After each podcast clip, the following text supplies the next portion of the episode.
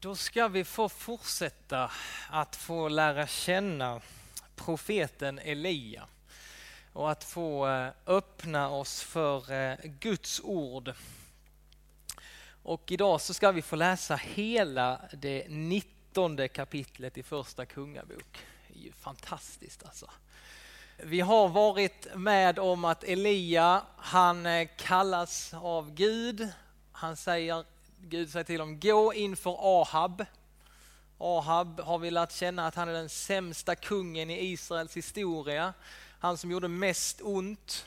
Gå till honom och säg att det inte ska regna på tre och ett halvt år. För det har Gud sagt och det är Gud som ska bestämma eh, när det ska börja regna igen.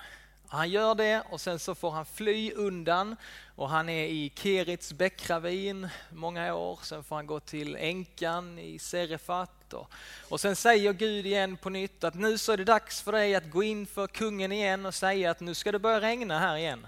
För det säger Gud. Men först ska vi ha en liten duell du och jag.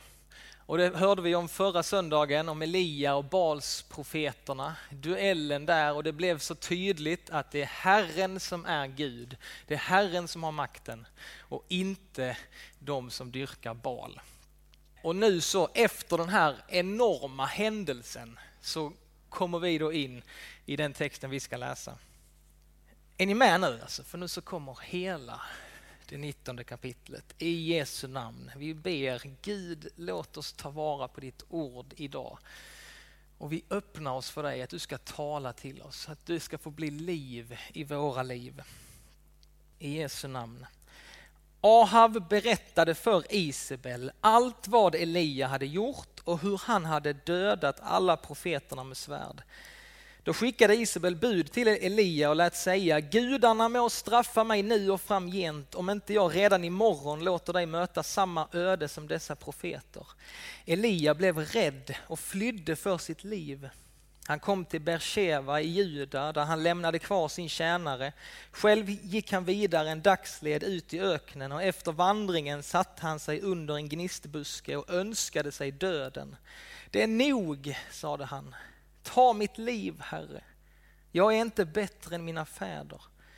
Och han lade sig ner och somnade där under gnistbusken. Och då kom en ängel och rörde vid honom och sade, stig upp och ät.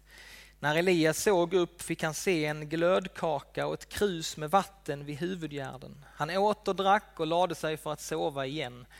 Herrens ängel kom en andra gång och rörde vid honom. Stig upp och ät, sade han, annars orkar du inte hela vägen.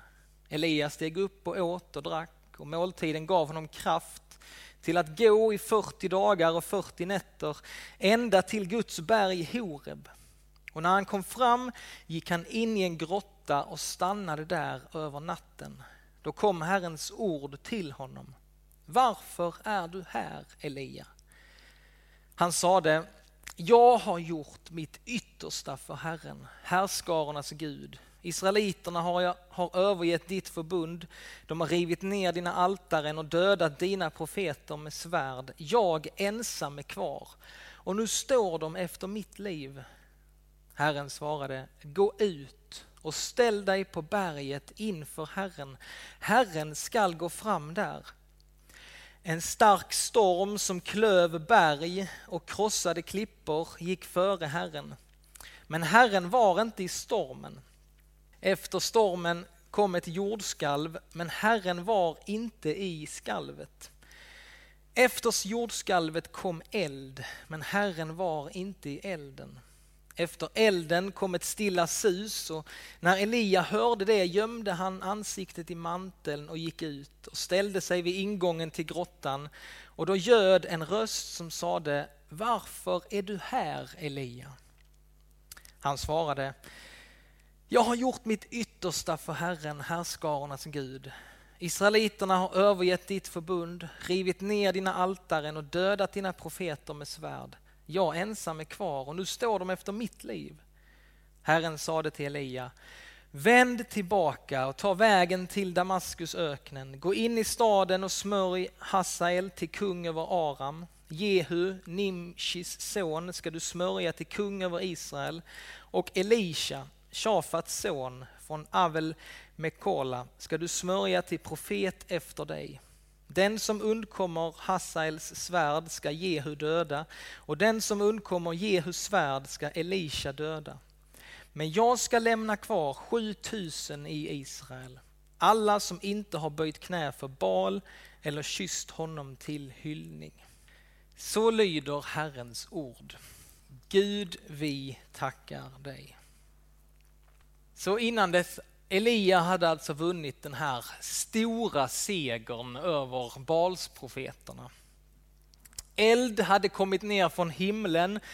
Gud hade svarat på Elias bön och folket hade till och med ropat Herren är Gud. Herren är Gud, hade folket ropat. Kung Ahab hade ju varit där och sett alltihopa. Och det var liksom som att Elias uppdrag, det som var hans namn, Herren är Gud. Det var precis som att nu är det uppnått. Herren har visat sig att vara Gud. Eh, hans livsmål var på något sätt uppnått. Nu kan Israels folk börja följa Herren. Nu är det så tydligt. Liksom. Nu kan vi lämna Bal och nu kan vi börja följa Herren och vara trogna honom igen. Men Elia hade en motståndare kvar. Isabel fanns ju där, alltså kungens hustru. Hon vars livsmål var att eh, få Israels folk att tillbe Baal och lämna sin Gud. Och när hon hörde vad Elia hade gjort, då svor hon en ed att Elia skulle få betala med sitt liv. Och när Elia hör detta, vad Isabel har sagt, då blir han rädd, läste vi, och han flyr för sitt liv. Han blir alltså livrädd och flyr för livet. Och här känner vi inte igen vår gode profet. Vi känner inte riktigt igen Elia här. Han som har varit så modig hela tiden i det vi har läst tidigare. Han som varit så trostark. Alltså han som alltid har litat på Gud i allt, han flyr nu för livet. Och det är första gången som, när vi har läst honom också, som han liksom går på egen hand. Utan en order från Gud, utan Guds ledning. Det som alltid han hade gjort, han gick dit Gud kallade honom. Nu går han sin egen väg. Vi kan se att han är missmodig, han är uppgiven, han är livrädd, han är dagen efter. Han är dagen efter den stora segern på Karmel. Ni vet att man kan vara dagen efter. va? Det är inte så konstigt. va? Om vi tänker på vad han har varit med om på sistone. Va? Vi kan bara ana vilken psykisk press han har levt med under lång tid. Han har haft en dödsdom över sig. Eh, han skulle gå fram inför den här uppretade kung Ahab. Han skulle ensam möta de 850 andra profeterna. Han skulle tala, stå upp och tala inför det otrogna Israels folk. Alltså det måste ha varit väldigt ansträngande för honom. Det är inte konstigt att han liksom säckar ihop efter en sån händelse. Och inte nog med det, efter det här med duellen med Balsprofeterna så ser vi att han, att han sprang före kungen hela vägen från Karmel till Israel. Det verkar som att han hade ätit dåligt, så det är inte så konstigt att Elia säckar ihop. Man behöver liksom inte förandliga hans tillstånd utan allt verkar väldigt rimligt. För som vi har läst idag också, Elia han var en människa som vi. Han var en människa som du och jag.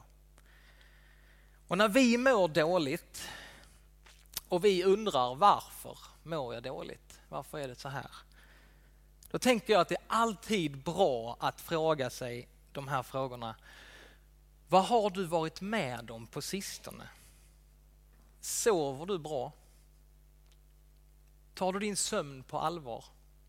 Jätteviktigt för en människa att sova bra. Äter du bra? Motionerar du på något sätt?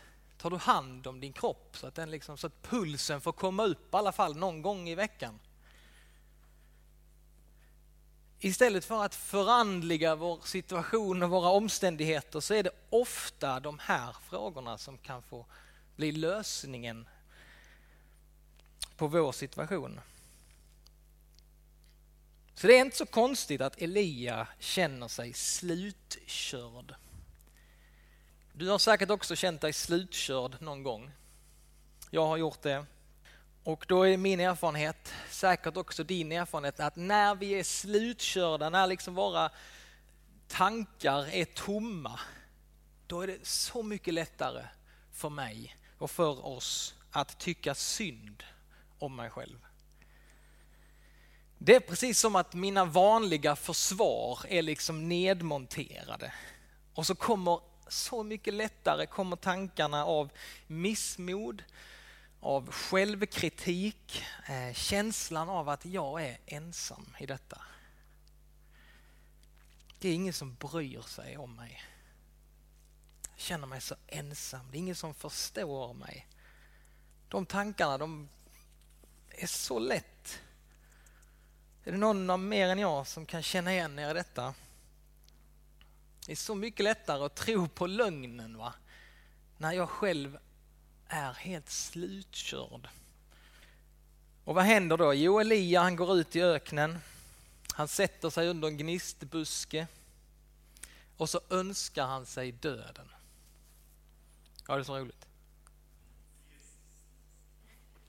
Aj då! Det är som man lär sig. Tack så mycket. Är det ginst? Jag har skrivit eh, gnist. Jag tyckte det var konstigt. Vi kan väl visa en bild på det man här på kyrkkaffet sen. Alltså, jag måste se vad Bibeln säger. Alltså. Är det sant? Elia går ut i öknen och sätter sig under en... Vi säger det en gång till. Tack så mycket. Och så önskar han sig döden. Och han säger, det är nog. Ta mitt liv, Herre. Jag är inte bättre än mina fäder. Det är nog. Ta mitt liv, Herre. Först flyr han, alltså, han var ju livrädd, han var rädd för att dö. Först flyr han för att inte bli dödad. Och sen bara rätt så snabbt så sitter han där och önskar sig döden. Och det är kanske inte så konstigt för en människa som kommit till liksom vägs ände. Han har inget att leva för längre. Han har liksom tappat sitt mål och mening. Vem hade kunnat tro detta om Elia? Bara i förra kapitlet. Liksom. Vem hade kunnat tro detta om Elia? Han som var den trosstarke. Han som tidigare hade haft sån stark förtröstan på Gud. Han upplevdes oövervinnerlig i sin tro och i sin överlåtelse till Herren. Alltså vilken tröst är inte detta för oss att också Elias satt under han satt där under ginstbusken full av missmod och han orkade inte längre leva liksom livets börda. Han orkade inte bära livets börda. Och här blir det ju så tydligt för oss att Elia, han var en människa som du och jag. Och elden som hade bara brunnit hos Elia, han var ju liksom eldsprofeten, han var ju så brinnande. Nu var han bara en tynande veke men som vi kan läsa i Guds ord, i Jesaja 42 så står det, det knäckta strået bryter han inte av. Den tynande lågan släcker han inte. Så Herren förbarmar sig över Elia på nytt. Gud hjälper Elia, och vi ska vara uppmärksamma på detta nu. Gud hjälper Elia först och främst genom att inte svara på hans bön. Vad var det nu? Där har vi den. Stort tack alltså. Det ser ut som en gnistbuske. Alltså. Okej, får jag göra tillbaka min predikan nu? Jo, det första. Gud räddar Elia först och främst genom att inte svara på hans bön. För vad hade Elia bett till Gud? Elia hade bett, ta mitt liv. Men den bönen svarade inte Gud på. Och det tror jag Elia var glad för senare.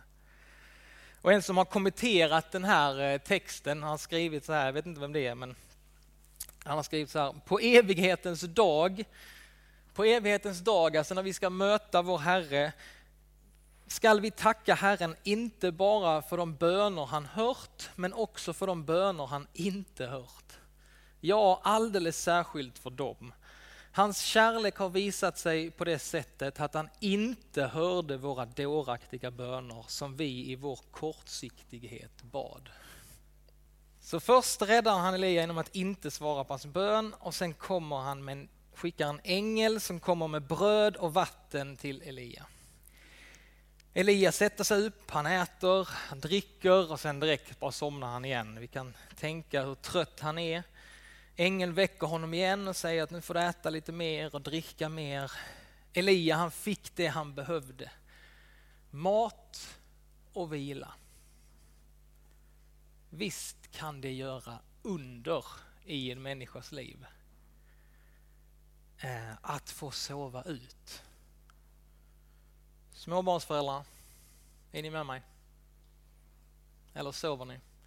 Alltså ni, ni kanske inte behöver en predikan just nu, ni kanske bara behöver sova, så gör det.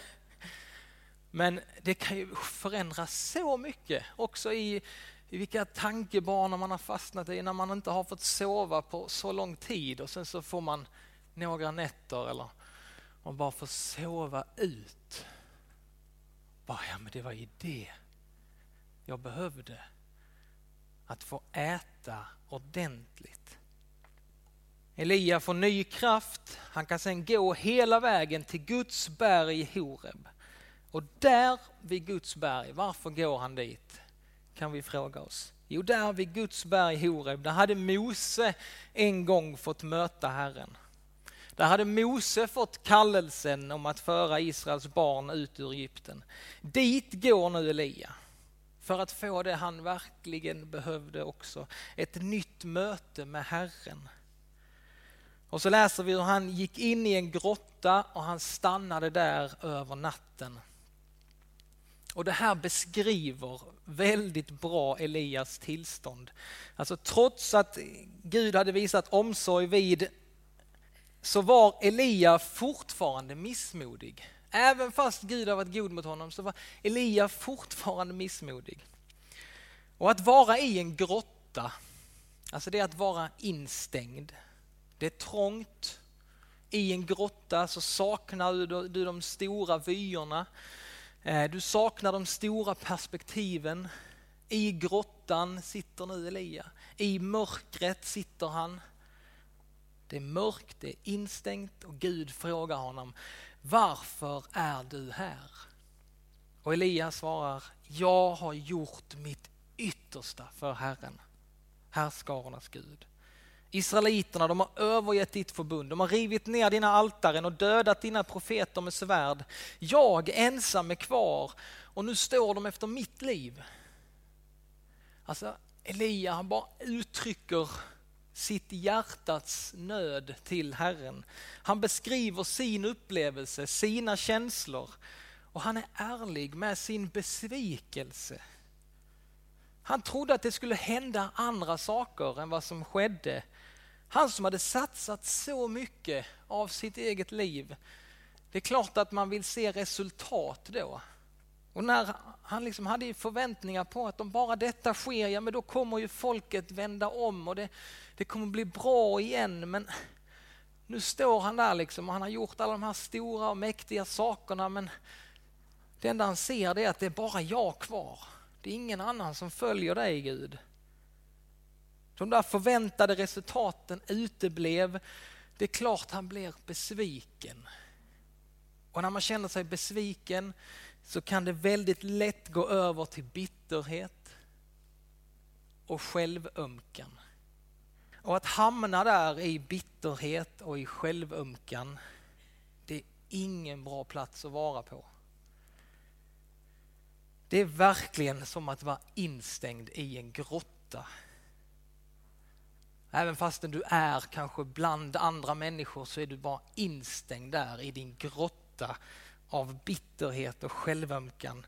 Och du känner dig bara ensam du känner dig isolerad.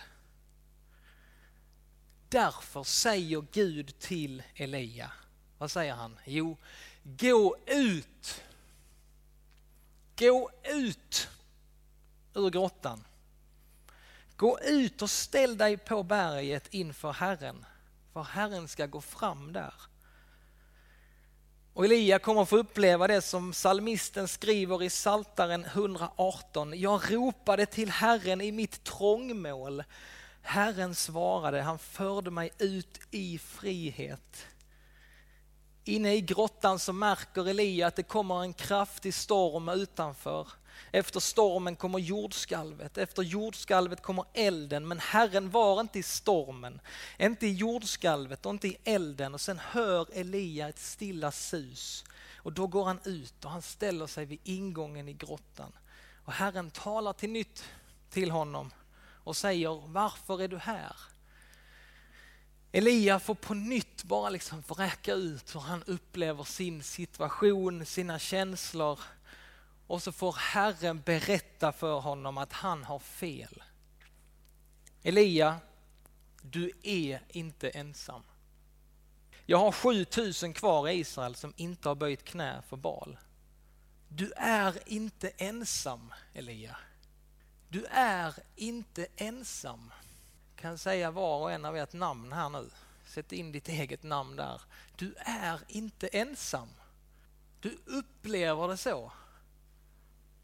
Elias upplevelse, hans verklighet, det var, hans enda verklighet det var bara det att han kände sig, det var liksom sanningen om honom. Men Gud ville göra honom uppmärksam på att det var inte sant. Elia, du är inte ensam. Och det är inte sant om dig heller. Det är inte sant om mig. Och så säger Gud, vänd tillbaka. Vänd om, Elia.